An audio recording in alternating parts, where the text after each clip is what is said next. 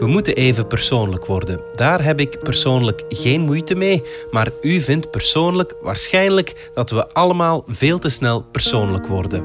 En wat is dat eigenlijk, persoonlijk? Wouter de Pre zal het u eens haarfijn uitleggen. Spoiler alert, overbodig is een woord dat zomaar bij mij persoonlijk opborrelt.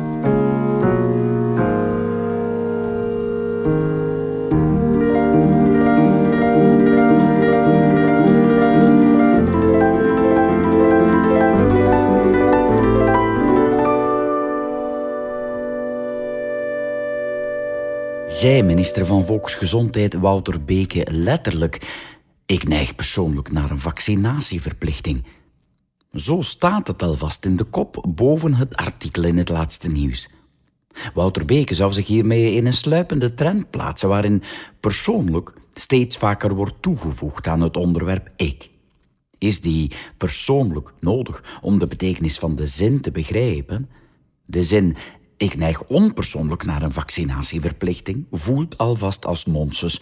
Dus die persoonlijk dient niet om daar het onderscheid mee te maken. Waarschijnlijk gebruikt Wouter Beke die persoonlijk om te zeggen dat het hier om zijn eigen standpunt gaat en om dus zijn ikkigheid nog te beklemtonen.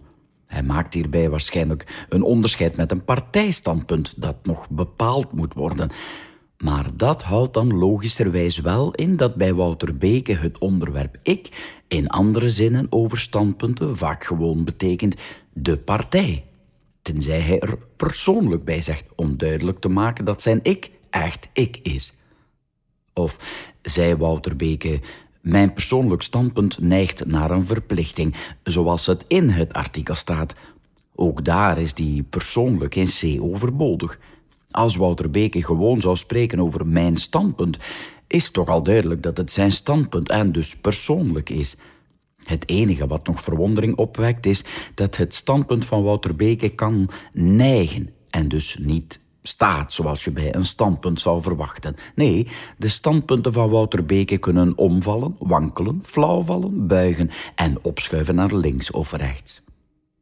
Wouter Beke spreekt natuurlijk gewoon de taal van het Vlaamse volk dat hij mee vertegenwoordigt.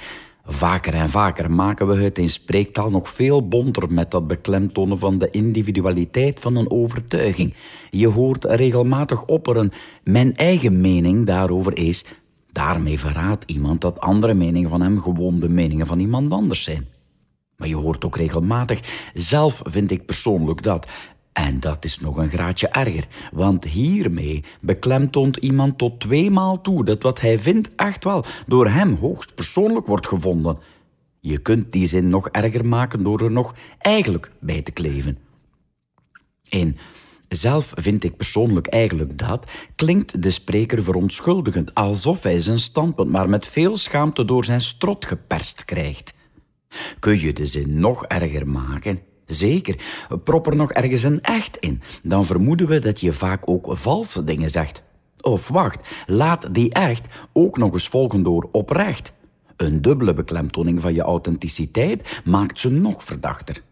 En laat je zin voorafgaan door eerlijk, waardoor het klinkt alsof je regelmatig ook oneerlijk antwoordt. Of beter nog, maak er als ik eerlijk mag zijn van. Dat klinkt alsof je vaak ook niet eerlijk mag zijn en voortdurend verplicht wordt om leugentjes om bestwil te produceren. Als ik eerlijk mag zijn, zelf vind ik persoonlijk eigenlijk echt oprecht dat een vaccinatie verplicht zou moeten zijn. Echt erg was het pas geweest als Wouter Beke deze zin had uitgesproken.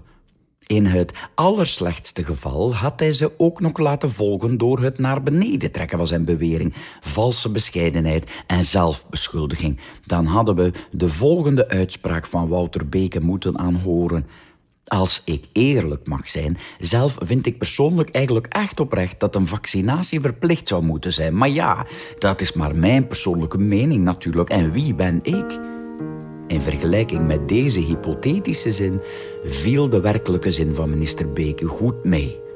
Maar dat is natuurlijk ook maar mijn persoonlijke mening, die ik overigens echt waar helemaal zelf vind.